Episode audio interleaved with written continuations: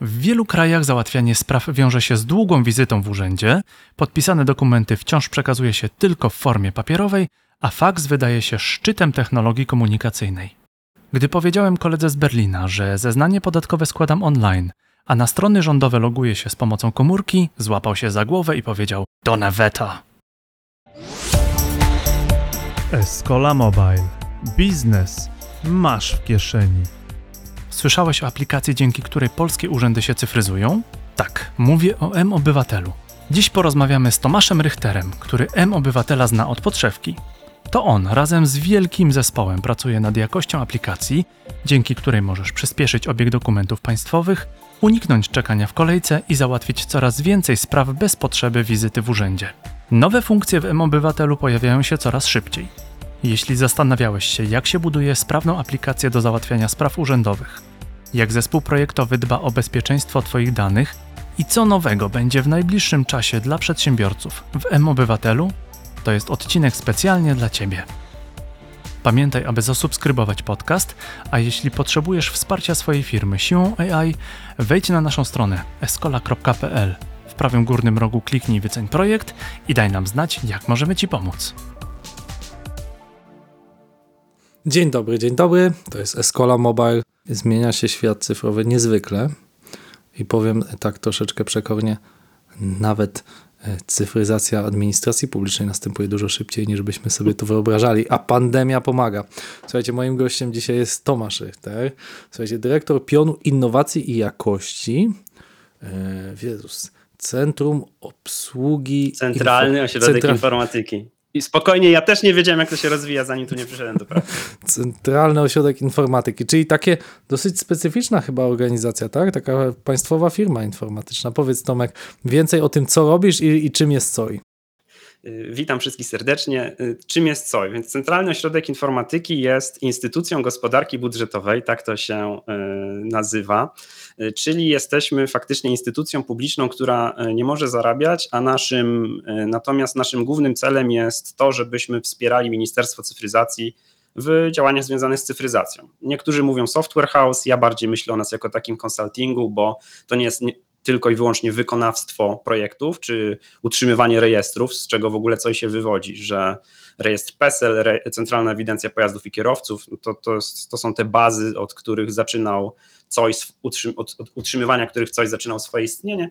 Następnie zaczęło być to obudowywane oczywiście e-usługami, systemami dla urzędników, no bo jakoś z tymi bazami się trzeba łączyć i tak dalej, i tak dalej. Więc jesteśmy ciałem doradczym i wykonawczym dla Ministerstwa Cyfryzacji. Ja może jeszcze zaznaczę, my z Tomkiem znamy się prywatnie sprzed N lat jako koledzy po fachu informatycznym. To jest dla mnie niesamowite i bardzo pozytywne, że ludzie, których bardzo cenię e, za techniczne i menedżerskie kompetencje, pracują też, żeby rozwijać te, te sprawy dla państwa.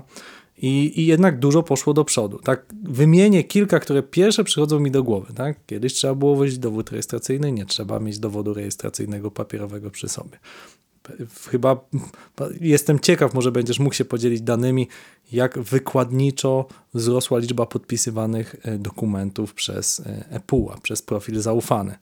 Ilość rzeczy, które możemy sprawdzić w profilu e, gov.pl i, i, i, na tych profilach. Te wszystkie ewidencje, tego jest sporo.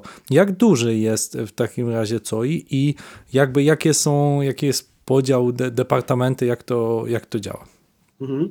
Y, COI w tej chwili ma 1300 pracowników.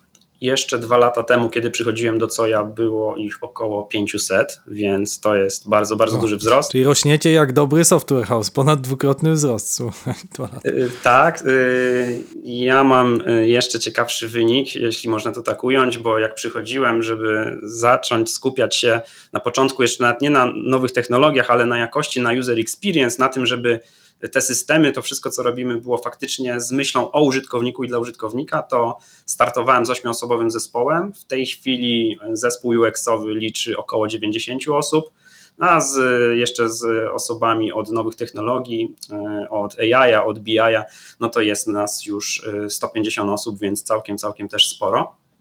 Mm, jeżeli chodzi o to, jak, jak y, rośnie liczba podpisywanych dokumentów, tego, y, tej liczby szczerze mówiąc nie pamiętam, natomiast jeżeli chodzi o sam profil zaufany, no to w tej chwili już chyba mamy 14 milionów profili zaufanych, to też się bardzo, bardzo szybko zmienia. Mm, także mhm. ciężko, ciężko jest nadążyć za, za, za tymi liczbami i być na bieżąco. No ja pamiętam, yy, pracowałem kiedyś pod profesorem yy, Krzysztofem Rybińskim na Akademii Wistula i on był wielkim zwolennikiem, że autoryzacja do obywatela powinna się odbywać nie poprzez wizytę w urzędzie, tylko poprzez bank ponieważ w banku każdy praktycznie Polak ma swoje konto i raczej bankowi zależy na tym, żeby sprawdzić, czy Krzysztof Wojewodzic to Krzysztof Wojewodzic i pewnie poproszą mnie o dowód. I bankierom raczej w kwestii tożsamości możemy ufać. Na, na, ktoś określił, że na równi z urzędnikami. I wydaje mi się, że to niezwykle pomogło, że w końcu ten postulat się zrealizował i wydaje mi się, że to bardzo pozytywnie wpłynęło na, na, na ilość e, użytkowników.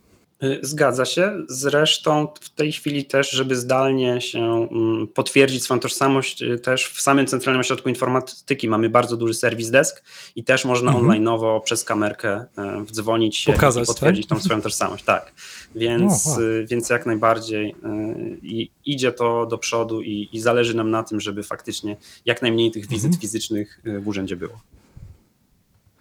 Wspaniale. No szczególnie, że no, COVID tutaj napędził, że tak powiem, ruch i motywację i moim zdaniem tak, ja wyrabiałem podpis cyfrowy, pamiętam, w początku pandemii, kwalifikowany, no to bardzo dużo dokumentów w tej chwili jako przedsiębiorca podpisuje E, kontrahenci podpisują, nie mając kwalifikowanego podpisu, właśnie profilem zaufania. Wcześniej mówiłeś, o co byś mógł się podpytywać, o jakieś rzeczy, których, których może nie są jeszcze dostępne, no to e, z takich, że właśnie z takich planów, no to chcemy, żeby w ogóle podpisywanie dokumentów w prosty sposób było w obywatelu w apce. Mamy to w backlogu, e, pracujemy już nad tym, tak, bo, bo w tej chwili mhm. trzeba tam, ja, ja, to, ja sam nie pamiętam, jaki jest adres tej strony, więc wpisuję w Google, podpisz dokument i gdzieś tam wyskakuje strona i, i na webie mogę podpisać, natomiast zależy nam na tym, żebyś po prostu jednak większość użytkowników w tej chwili korzysta z y, komórek, więc żeś na komórce po prostu mógł wyklikać, który dokument chcesz podpisać i go, i go pod, mógł szybko podpisać.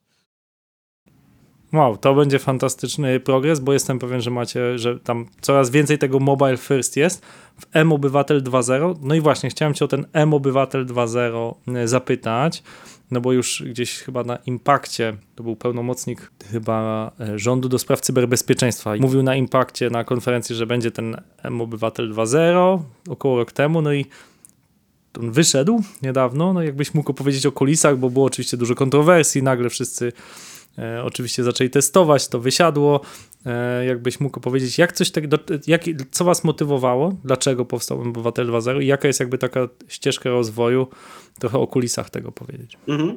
To tak, to ja sprostuję. Na Impakcie i, i faktycznie rok temu i, i, w tym roku to była ta sama osoba, to był e, Janusz Cieszyński. W tej chwili to jest minister cyfryzacji, bo wcześniej, bo wcześniej nie było Ministerstwa Cyfryzacji. E, wcze, znaczy było, potem, potem Kancelaria Prezesa Rady Ministrów odpowiadała za obszar cyfryzacji i od niedawna znowu mamy Ministerstwo Cyfryzacji.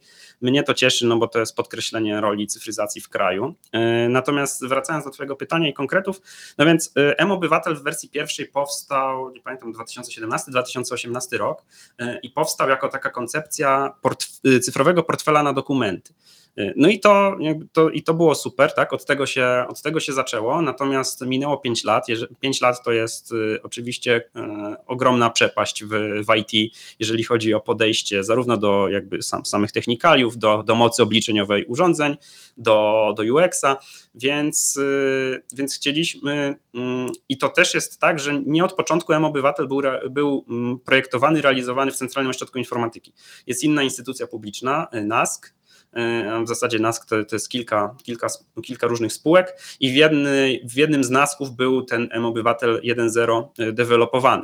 Natomiast e, dwa lata temu została podjęta decyzja, że takie silosy, że trochę robimy w jednej instytucji, trochę w drugiej, trochę w trzeciej, e, no to nie wpływa pozytywnie na jakość tego oprogramowania, więc ten zespół naskowy został przeniesiony do Centralnego Ośrodka Informatyki. To jest, to jest dłuższa historia, natomiast no w ten sposób dwa lata temu M-Obywatel znalazł się w Centralnym Ośrodku Informatyki i to był ten moment, kiedy my zac mogliśmy zacząć myśleć o tym y, nowym rozdaniu. Co, co zrobić, jak zrobić. Jakby koncepcja jakby i najważniejszy powód był taki, że chcieliśmy odejść od y, cyfrowego portfela na rzecz asystenta obywatela w obywatelu. Stąd to podkreślanie 2.0. Z jednej strony to jest aplikacja zupełnie na nowo zaprojektowana. Tutaj ogromna praca mojego zespołu, z której jestem dumny, bo nawet ostatnio dostaliśmy trzecie miejsce na Design Waysach za, za ten layout od niezależnych sędziów. Tak? Nie, nie sami sobie daliśmy tę nagrodę, y, ale ale to przede wszystkim to też, to też była duża praca, jeżeli chodzi o projektowanie UX-a z obywatelami. To było 11 dużych iteracji, kilkadziesiąt mniejszych iteracji, takich back and forth badań e, jakościowych, ilościowych, e, patrzenia na to, co działa, jak działa dla obywateli i pamiętajmy, że my mamy tą grupę docelową bardzo szeroką, bo od uczniów, bo mogą mieć swoją legitymację uczniowie nawet podstawówek, po oczywiście seniorów, emerytów, rencistów, więc, więc naprawdę trzeba wiele aspektów e, rozpatrywać. No więc przyświecało nam to, że po pierwsze chcemy, żeby aplikacja e, wyglądała bardziej nowocześnie, żeby odejść od portfela, no bo portfel, no to masz ileś tam tych dokumentów, oczywiście my je sukcesywnie dodajemy, dodajemy, ostatnio została e, dodana możliwość umieszczania dokumentów lokalnych, nam pierwsze było miasto z Duńska Wola z kartą e, mieszkańca z Duńskiej Woli, natomiast e, no dokumenty to nie wszystko, chodziło o to, żeby faktycznie jak najrzadziej chodzić do urzędu, żeby jak najbardziej scyfryzować ten obszar i żeby jak najmniej myśleć, tak, bo Moim zdaniem sukces cyfryzacji jest nie wtedy, kiedy są łatwe usługi, tylko najlepiej, kiedy w ogóle ktoś myśli za ciebie. Masz tego swojego asystenta i jeżeli tylko da się coś wykonać za ciebie, to, to tak powinno być. Zresztą jak są rankingi cyfryzacji, na przykład ranking międzynarodowy DESI, no to tam punkty dostaje się za to, że na przykład nie bierze się od obywatela danych, które on już podał, tak? Więc jeżeli mam wypełnić jakiś formularz, no to nie powinienem po raz 17 wpisywać numeru PESEL, daty urodzenia i innych danych, które państwo już ma, tylko to już powinno być za mnie wypełnione, a najlepiej by było, żebym w ogóle nie musiał wypełniać formularza, tylko czynność numer jeden wywołuje czynność numer dwa, trzy i pięć i, i dzieje się to za mnie. To, to tak samo jak w tej chwili mamy z składaniem deklaracji podatkowych. Jeżeli nic nie zrobisz, to i tak ta deklaracja zostanie za ciebie złożona, tak? I, i, i to jest właśnie moim zdaniem tak, tak, tak najfajniej przeprowadzona yy, cyfryzacja. To jest dokładnie prawda to, co mówisz. Nie tak dawno temu, parę miesięcy temu kupiłem nieruchomość i oczywiście miasto Wrocław przy, przy wysłało mi, że mam wypełnić super dużo dokumentów. Wszedłem oczywiście na elektronicznie, wypełniłem je E, popełniłem jakiś tam drobny błąd, więc miasto Wrocław napisało mi, że popełniłeś jakieś tam drobne różnice, po czym jeszcze raz oczywiście za, z, wysłało mi, żebym wypełnił to tym razem papierowo. I tak mniej więcej ta cyfryzacja jest, powiedziałbym, bardzo hybrydowa, bo procedury dalej są stare, tak, czyli wysyłamy sobie listy, tak, i, a, ale możliwości już są nowe, no i ja jako osoba, która chętnie korzysta z cyfryzacji, właśnie wypełniając to elektronicznie, no to tam się zapełnia pełno rzeczy, bo tam trzeba w takiej deklaracji, którą przed chwilą pokazywałem, no to tam jest y, tak, miasto Wrocław, Wrocław, gmina Wrocław, no po prostu obłęd i to w trzech miejscach trzeba wypełnić. Tak, tak, tak. I, I, to bardzo często tak wygląda i to, to, o czym mówisz, no to jest no to, co mamy, nie wiem, w różnych usługach Google'a, Facebooka, tak, jakieś tam logowanie, wypełnianie, jak chcesz kupić, nie wiem, coś na internecie, no to on ci od razu twój adres podstawi,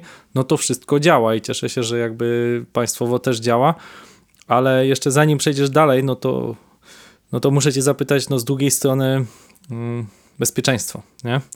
Bezpieczeństwo tego, e, no wiesz, jak tam z Facebooka coś mi zniknie, no to Facebook zły, ale już e, taki e, ośrodek informatyki to bardzo nie chce się narazić na jakieś problemy, mhm. bo to, to jednak się komuś tam oberwie i powiedz, jak dbacie o to bezpieczeństwo, bo to jest bardzo trudny temat. Tak, znaczy to jest... Yy ja sam póki nie przyszedłem do Centralnego, Centralnego Środka Informatyki, no to, to, to nie spodziewałem się, jak wielki nacisk, jak duży tutaj i jak mocny zespół jest bezpieczeństwa, więc, e, więc to, to bezpieczeństwo ono jest adresowane na, na wielu poziomach. Jest oczywiście e, pierwszy i najważniejszy, e, to co dla nas jest takie korowe, to są oczywiście rejestry państwowe. I dostęp do rejestrów państwowych to jest, no, pomijając kwestię, to, jak to jest monitorowane na bieżąco, tak? to jest zespół pracujący 24 na 7, to jest zespół, który pracuje na miejscu, żeby wszystko monitorować Więc y, to, to jest jedna kwestia. Tam wchodzi, tutaj wchodzimy w kwestię tego, że masz osobne, osobne sieci.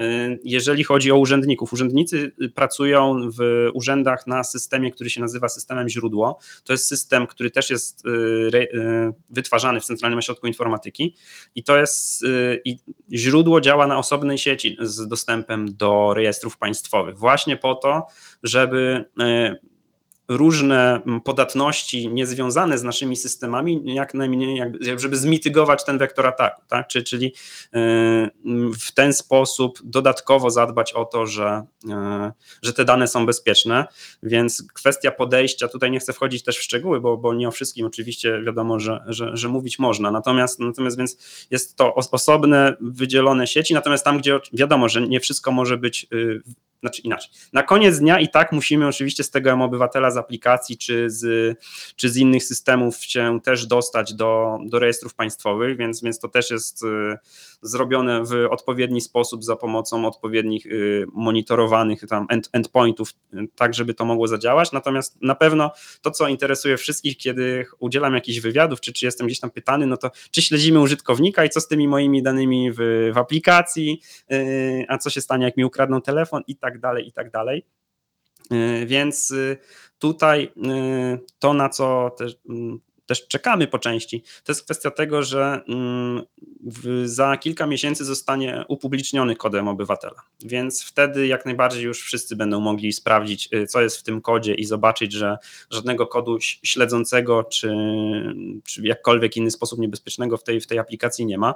Y, jeżeli chodzi o jeżeli chodzi o zabezpieczenia, no to oczywiście te certyfikaty e, i, i, wszystkie takie elementy backendowe, które są w aplikacji, e, one też przechodzą audyty bezpieczeństwa na bieżąco pod kątem dziur w kodzie, pod kątem tego, jak, jak ta architektura została przygotowana, więc tych poziomów bezpieczeństwa i tego, w jaki sposób dbamy o to, żeby coś nie wypłynęło czy nie zginęło, jest, jest bardzo wiele.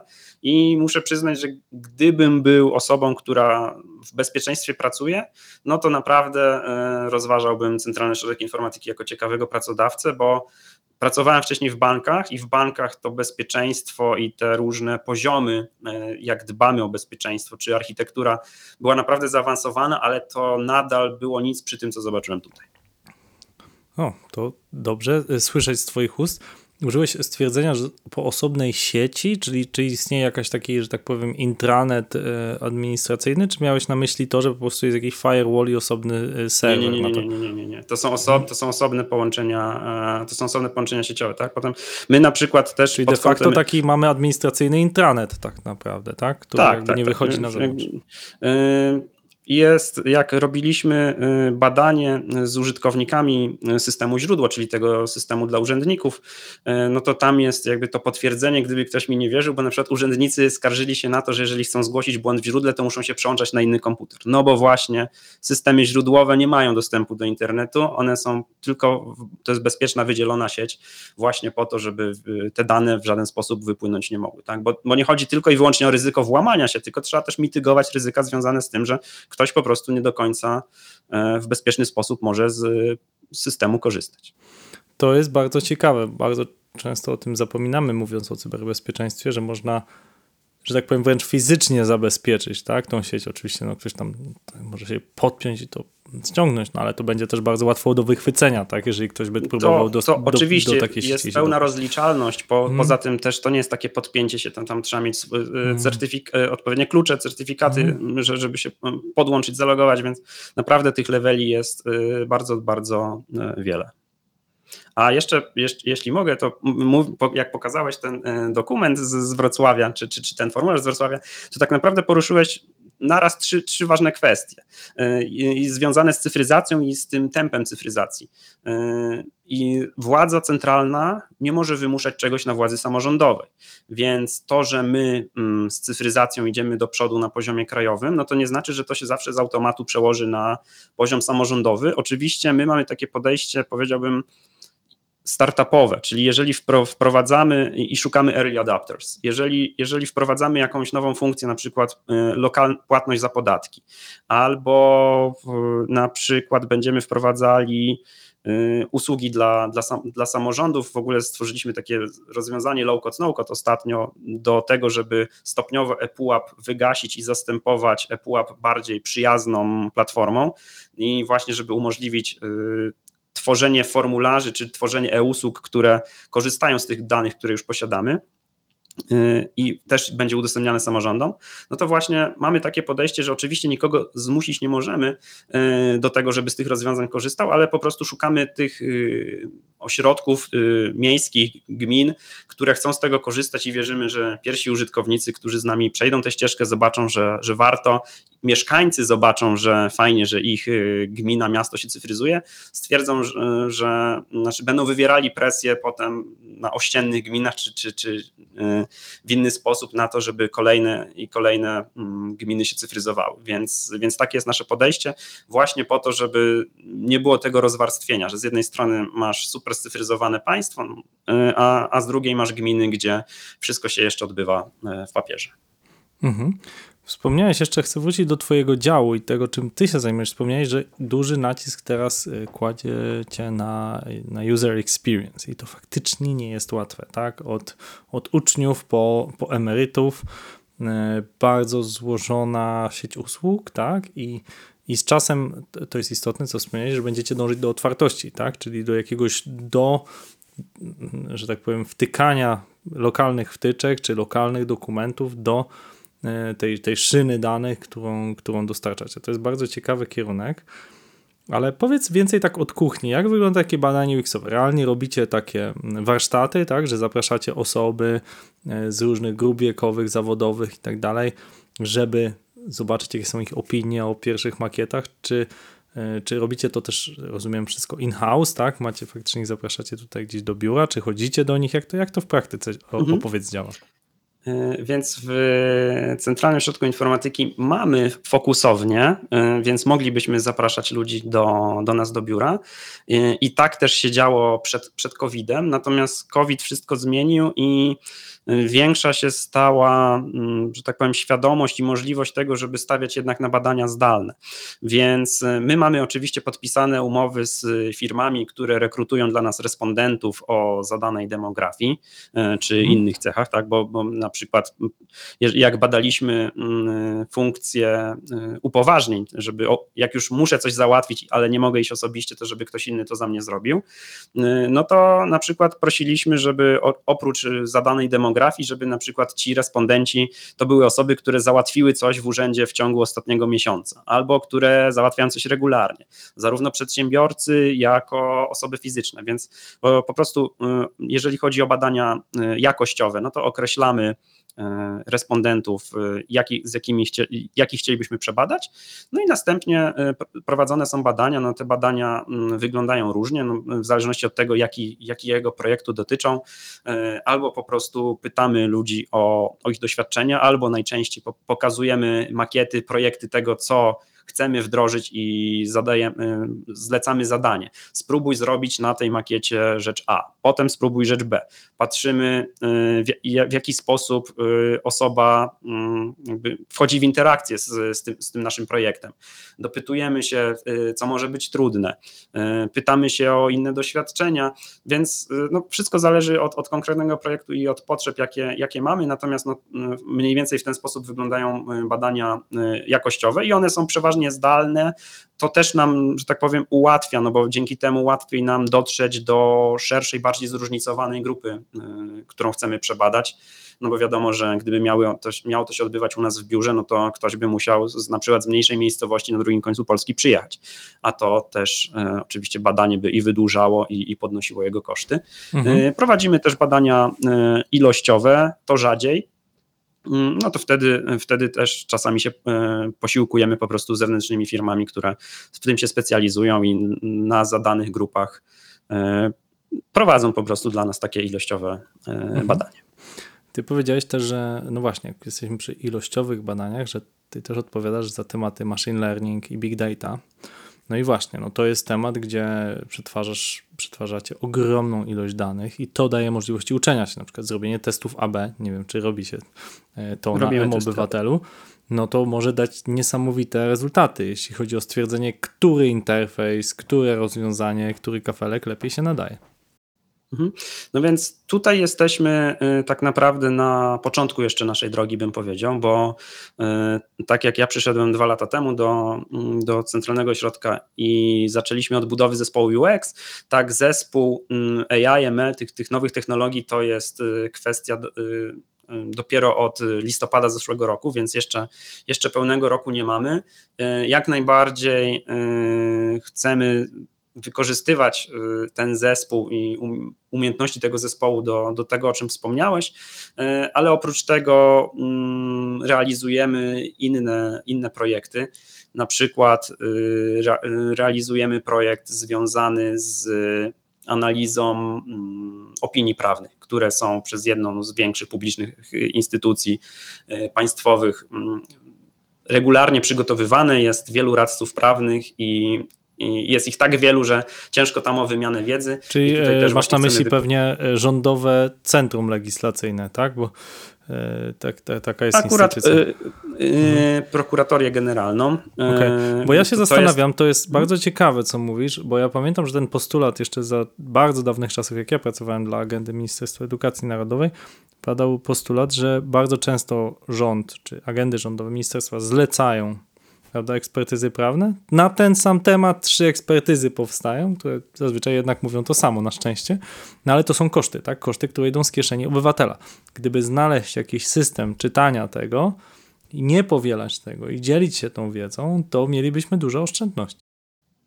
Tak, znaczy to prokuratoria generalna to akurat jest y, taka instytucja, która też reprezentuje y, skarb, skarb państwa przed sądami.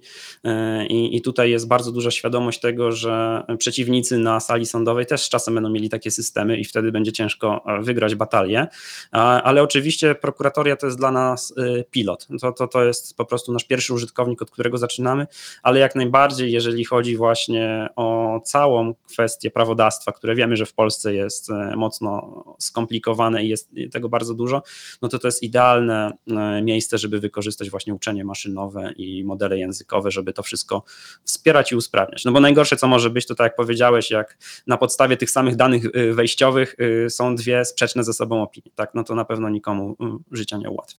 Jak Ciebie słucham, jestem pod dużym wrażeniem kompetencji i takiego mm, przekonania, jakie masz, jak o tym mówisz, ale na pewno na drodze do robienia M-Obywatel 2.0 i całej Twojej pracy napotykasz na szereg trudności.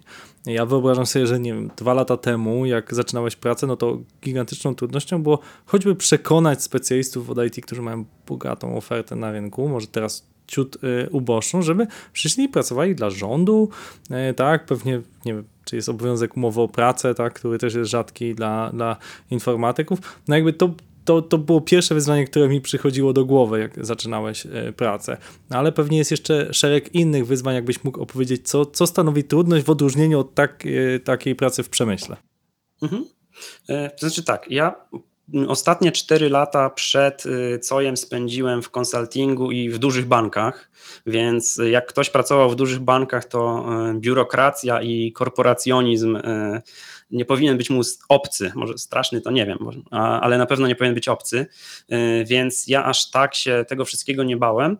Wiedziałem, że na pewno mm, taką nowością będzie prawo zamówień publicznych, no bo to jest e, dodatkowy, że tak powiem, narzut na, na, na te wszystkie nasze działania. Faktycznie bardzo dobrze zdiagnozowałeś, że pierwszym, pierwszym wyzwaniem była kwestia e, rekrutacji oczywiście pracowników, natomiast tutaj o tyle miałem ułatwione zadanie, że COI oferuje stawki rynkowe. Fakt, są to y, y, tylko i wyłącznie umowy o pracę, Natomiast naprawdę y, jesteśmy w stanie stawkami konkurować z, z, no, z resztą rynku. Zamawiamy regularnie raporty płacowe po to właśnie, żeby wiedzieć, jak, gdzie jest ta mediana i, i sprawdzać na bieżąco, czy, czy, czy nasza oferta jest równa z ofertą rynkową. Natomiast o tyle miałem też łatwiej, że na początku celowaliśmy przede wszystkim w seniorów y, albo mm, silnych midów, i tutaj y, senior czy mid to jest już taka osoba, która nie tylko patrzy i wyłącznie na pieniądze. Oczywiście to nie jest tak, że przyjdzie pracować za jedną trzecią stawki rynkowej, ale, ale też patrzy na to, że y, chciał czy chciałaby zrobić coś innego, nowego, może niekoniecznie y, przyczyniać się do tego, żeby sprzedawać, y, mówię kolokwialnie, garnki, ale, ale generalnie, żeby tam kolejne komercyjne produkty wypychać, tylko, tylko zrobić coś, co ma faktycznie mm, duży wpływ i no jest po prostu, mm, po prostu pożyteczne więc, więc y, na tym udawało mi się, że tak powiem, dużo e, wygrywać i, i przekonywać osoby, że do nas dołączały. Skala projektów to też jest e, coś takiego rzadko spotykanego. Oczywiście, jeżeli pracujesz w bardzo dużej korporacji zagranicznej i, i tworzysz dla rozwiązanie na, na cały świat, czy na dużą część świata, no to, to, to z tym nie wygramy. Natomiast y, jeżeli na przykład y, tworzysz coś, nawet w dużych firmach na, na, na rynek polski, no to na ogół one się skupiają na jakichś segmentach klientów. Tak? Bank, dla którego pracowaliśmy, też skupiał się na pewnym segmencie klientów, natomiast my y, skupiamy się na praktycznie wszystkich obywatelach, którzy, mm, którzy już są, są w wieku, który pozwala na korzystanie z rozwiązań cyfrowych i to też jest super wyzwanie, zwłaszcza dla, dla UX-owców to jest super wyzwanie. Jak zrobić e, aplikację, która z jednej strony będzie wyglądać nowocześnie, ale z drugiej strony e, pozwoli mojej babci też wykonać odpowiednie czynności. Zresztą jak wprowadziliśmy obywatela 2.0, to też y, spotkaliśmy się wtedy z masą uwag w social mediach, masą uwag od projektantów, którzy też mówili, że ja bym to zrobił inaczej, dlaczego tak, a nie inaczej. No i tutaj odpowiadaliśmy, że mm, ciężko jest zrobić aplikację dla wszystkich, natomiast y, jakby w badaniach nam wyszło, że lepiej będzie, jeżeli to będzie działało w ten sposób. Lepiej będzie, jeżeli coś będzie działało w inny sposób. Oczywiście to nadal nie jest praca skończona. To jest trochę ograniczeń, o których myślę, że zwykły programista nie zdaje sobie sprawy, jak się pracuje dla, e, dla rządu. Ja, ja też pracowałem i jednym z tych wyzwań jest bardzo duża konieczność dopasowania się z mm, tych aplikacji dla osób e, z różnymi niepełnosprawnościami, tak? Słuchu, e, wzroku, ruchu. I to też sprawia, że ten interfejs nigdy nie będzie aż taki no, szalony, no bo to musi być łatwe do obsłużenia dla osoby niewidomej. Na przykład jestem pewien, że, że wasze produkty są zgodne, w, przynajmniej w webie z WCAG, pewnie tam 2.1, e, zgodnie z, e, zgodnie z ustawą e, o, o interoperacyjności, o dostępności. No i właśnie, i, i, i, i, z tym, i z tym też trzeba się pogodzić. To ma być użyteczne. To nie ma wygrywać nagrodę na najlepszy interfejs. Znaczy, cieszę się, że dostaliście tą nagrodę, ale na pewno nie za to, że to było najpiękniejsze, tylko właśnie za to, że było to użyteczne. Tak? E, I chciałbym, żebyś o, o tym, o, o, o, tym trochę powiedział właśnie w kwestii UX-u. Czy to też jest, że tak powiem, pod Twoimi skrzydłami dopasowanie do osób choćby w niewidomych?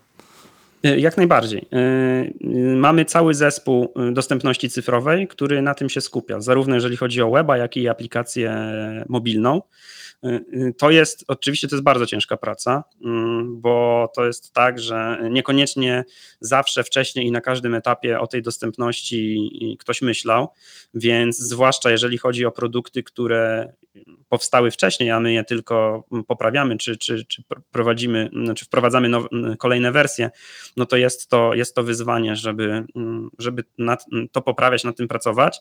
Bardzo dużo jeszcze jest pracy przed nami, na, na tym polu. Natomiast, natomiast naprawdę staramy się bardzo mocno dbać o to, żeby priorytet w, w backlogu tych działań związanych z dostępnością utrzymywać możliwie wysoki. Mm, to, to też jest tak, jeżeli chodzi o, jeżeli chodzi o, o, o piękno czy o dostępność. Mm, przede wszystkim oczywiście skupiamy się na feedbacku z badań, zarówno badań związanych z, po prostu z tym, jak się z tego korzysta, jak i z audytów dostępności. Natomiast to też nie jest tak, że spoczywamy na laurach, wypuściliśmy jedną wersję i, i okej, okay, to jest nowa wersja i teraz poczekajcie dwa lata na kolejną. Absolutnie nie.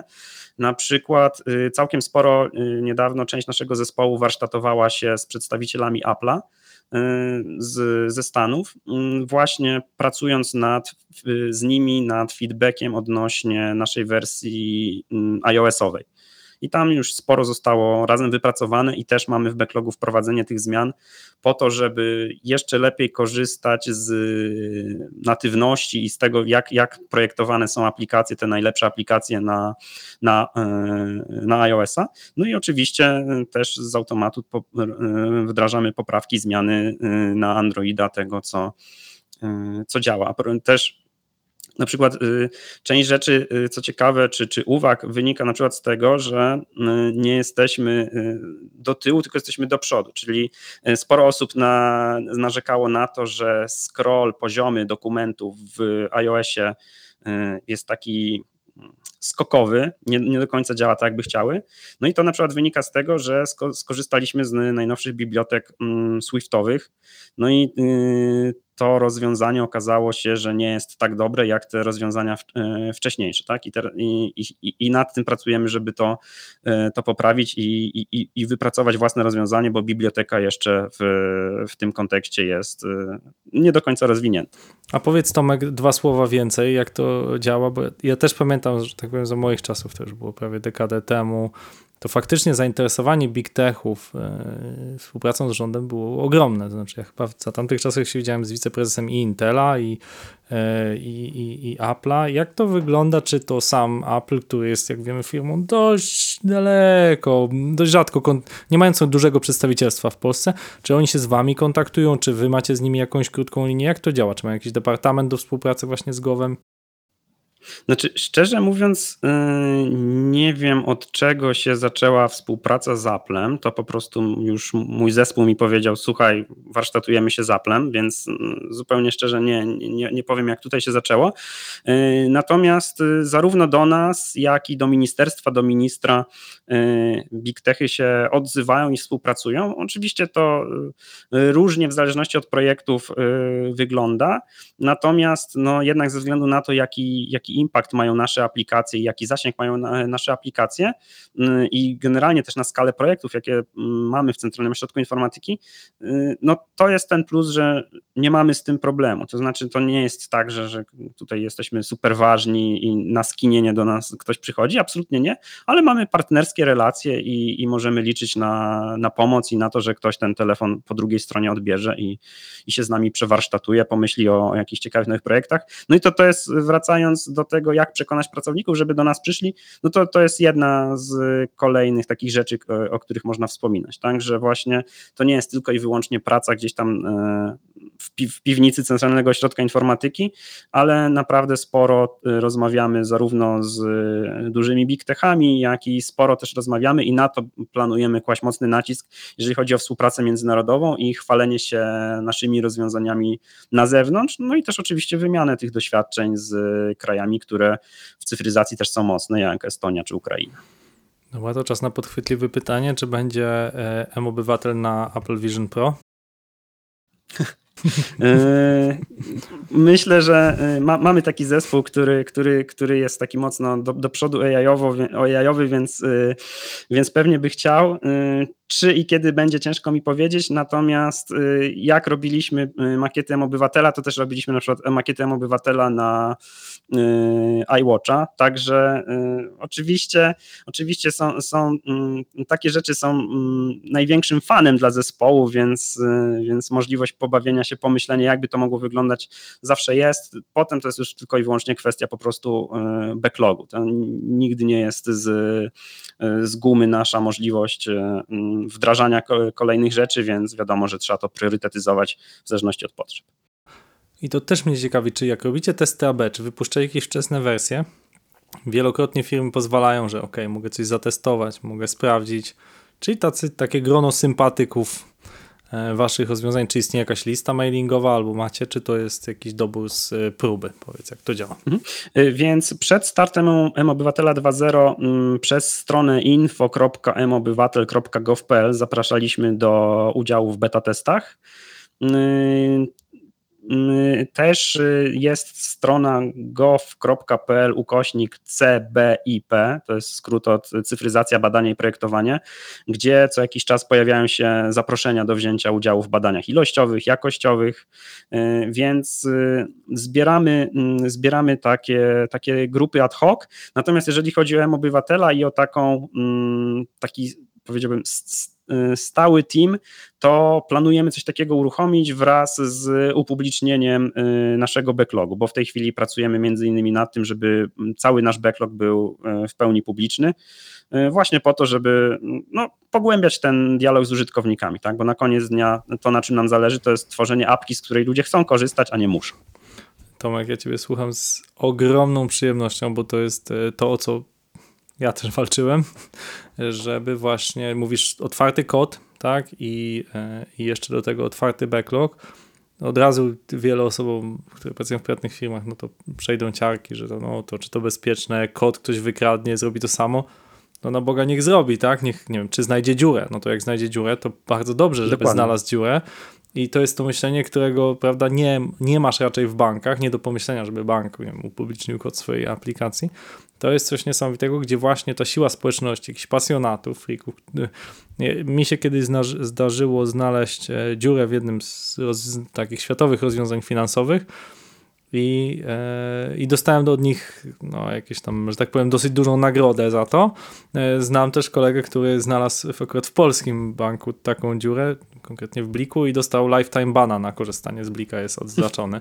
Więc to kwestia podejścia, tak? Czy idziemy w podejście światowe, że e, chcemy, żeby ludzie znaleźli dziurę i nam ją zgłosili, bo większość pasjonatów zrobi to z dobrej woli, pokaże, słuchajcie, to możecie poprawić, albo możecie zoptymalizować ten kod. To jest niesamowite, bo te rzeczy są mierzalne w informatyce.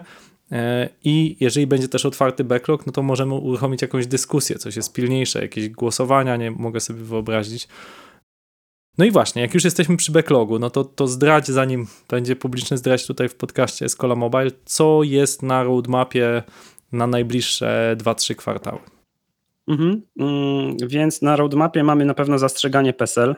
Mm, tutaj kwestia jest y, y, bardziej tego, żeby też była gotowość instytucji do korzystania z tego rozwiązania, mm, że faktycznie jak ja sobie ten PESEL zastrzegę, to w danej instytucji, na przykład finansowej, ktoś sprawdzi, że on jest zastrzeżony. Y, tam obligo jest na połowę przyszłego roku, więc to jest taki najpóźniejszy termin, kiedy to faktycznie będzie produkcyjnie działało nie pod kątem samego wdrożenia, tylko mm, możliwości korzystania z tego. Pracujemy intensywnie nad wspomnianymi upoważnieniami. Mm, oprócz tego y, z takich ciekawych rzeczy, no to też współpracujemy z ministerstwem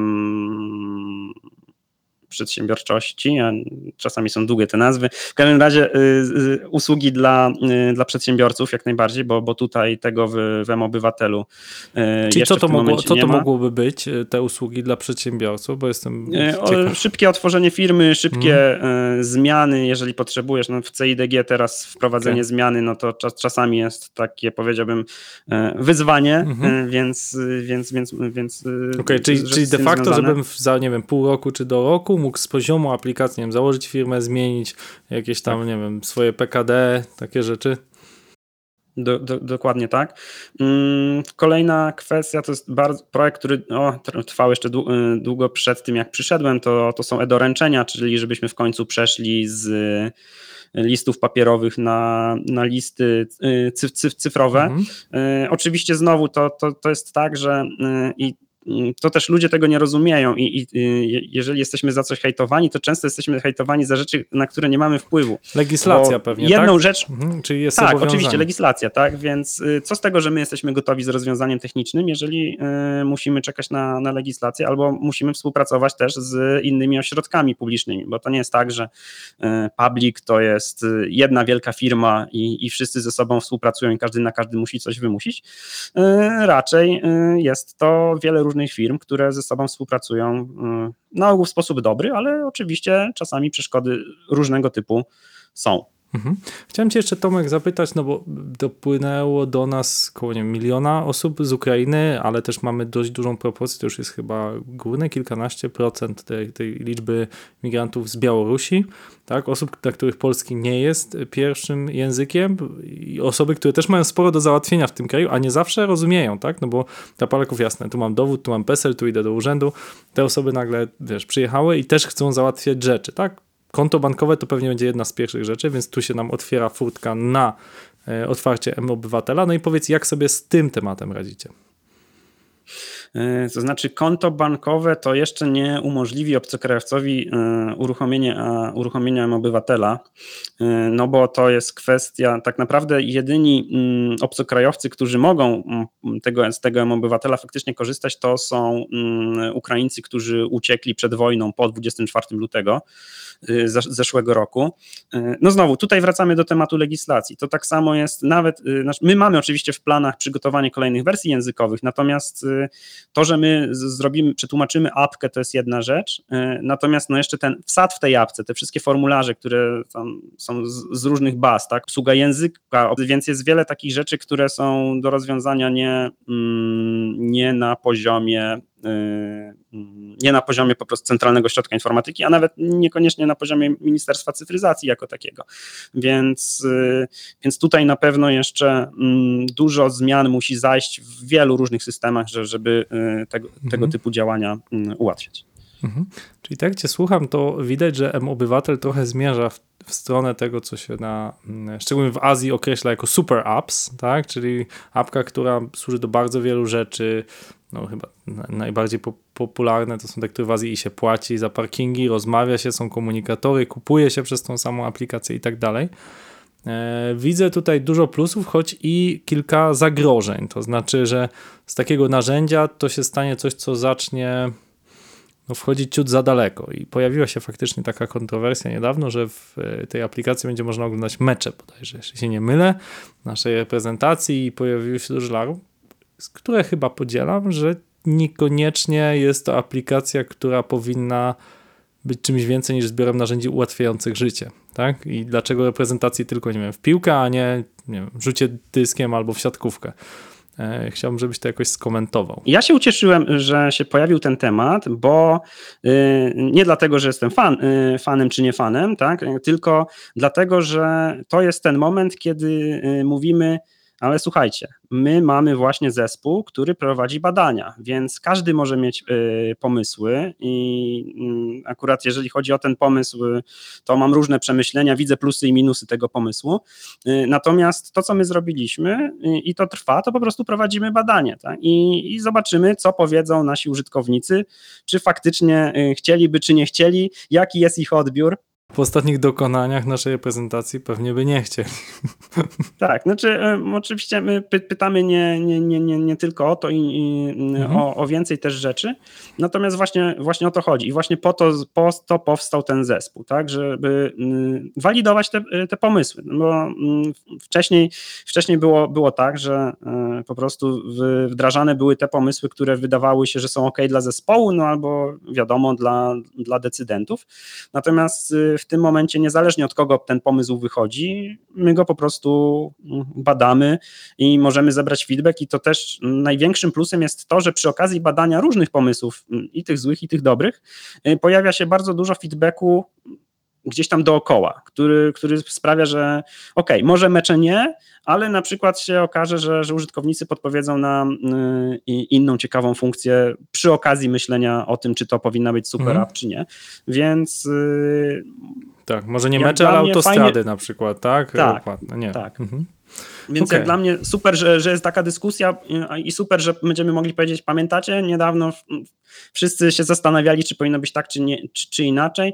No więc w Coju działamy w ten sposób, że przebadaliśmy ten pomysł i, i dajemy to, czego chcą użytkownicy. Tak? Pracujemy nad tym, czego chcą użytkownicy, a nie co się komu wydaje. Jeszcze Tomasz, chcecie zapytać trochę o kuchnię, no bo ty mówisz, ok, podejmujemy decyzję. Jak to działa, tak? No masz zespół, mówisz, tak, 100-osobowy zespół, duży czy nie? Jest jakieś głosowanie, czy ty jako dyrektor mówisz, tak będzie, bo tak czuję, e, czy może właśnie opieracie się bardzo silnie na badaniach, jeżeli z badań wynika, no to kto jest tym, który podejmuje ostatecznie decyzję, czy ostatecznie minister podpisuje drogą jakiegoś rozporządzenia. Jak to działa? Mhm. Y, Więc mamy mm, cały mm, pion biznesowy. My Mamy y, to wcześniej, wcześniej mm, byli to członkowie Ministerstwa Cyfryzacji, y, natomiast w, tej chwili są to już pracownicy Centralnego Ośrodka Informatyki, więc mamy po prostu product, product ownerów, którzy, którzy też od M-Obywatela. No i to product owner na podstawie badań, na, przede wszystkim badań i, i też innych czynników, które mm, ob- obiektywnych czynników, czyli kiedy dojedzie legislacja, y, jaka jest wycena od zespołu deweloperskiego, jaka jest wycena od zespołu projektowego.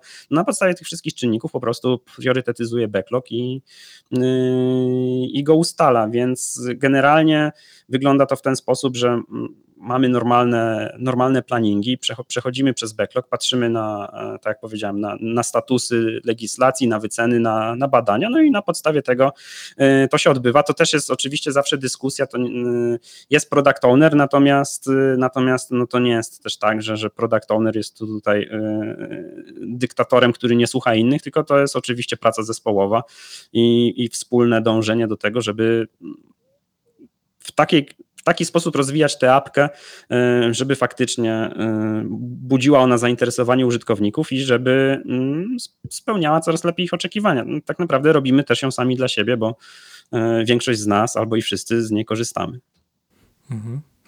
Słuchajcie, bardzo chciałem zaprosić Tomasza Richtera tutaj ze względu na to, że często myśląc, teraz mamy jeszcze okres wyborczy, myślimy, że ta polityka się gdzieś tam dzieje, to państwo gdzieś tam przerzucane jest z jednych, y, że tak powiem, decyzji do drugich, natomiast jest jeszcze, ja sam byłem tego częścią, y, gdzieś dekadę temu, jest piątych dyrektorów, którzy ostatecznie tym zarządzają i którzy mają duże zespoły, żeby to szło do przodu. I to są niełatwe rzeczy, o których osoby, które nie pracowały w administracji publicznej nie zdają sobie sprawy, że właśnie mamy kwestię dostępności, że M-Obywatel musi być atrakcyjny dla osoby 12-letniej i 80-letniej i e, mamy ograniczenia związane z zamówieniami publicznymi i tak dalej, i tak dalej. Cieszę się z tego, co powiedziałeś, że, że te wynagrodzenia są rynkowe, że ten zespół pochyla się nad tym UX-em i że cały czas jest coraz więcej tej transparencji. To potrzebujemy tej transparencji, szczególnie e, w IT. Także z wielką przyjemnością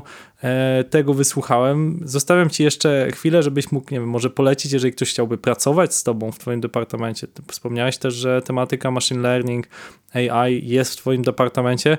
Jakbyś mógł jeszcze podsumować właśnie jak, jeżeli ktoś by był zainteresowany współpracą, jak może się do Ciebie odezwać? Mhm. Więc y, wszystkie nasze oferty znajdują się na stronie coi.gov.pl w zakładce kariera. Natomiast ja mm, bardzo zachęcam do, też do tego, żeby znaleźć mnie na LinkedInie i po prostu odezwać się do mnie na LinkedInie.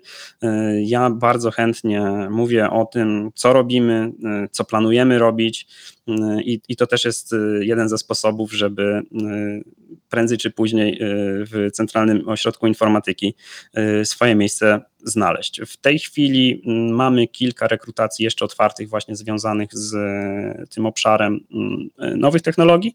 Natomiast to też jest tak, że mm, nasze potrzeby mm, zmieniają się, powiedziałbym, na, na bieżąco, więc jak najbardziej warto, warto obserwować, e, czy to, mm, czy to naszą stronę, czy nasz profil na, mm, na LinkedInie, czy, czy po prostu na przykład osoby, które w Centralnym Ośrodku Informatyki pracują i y, tych, osób, tych członków zespołu na bieżąco poszukują.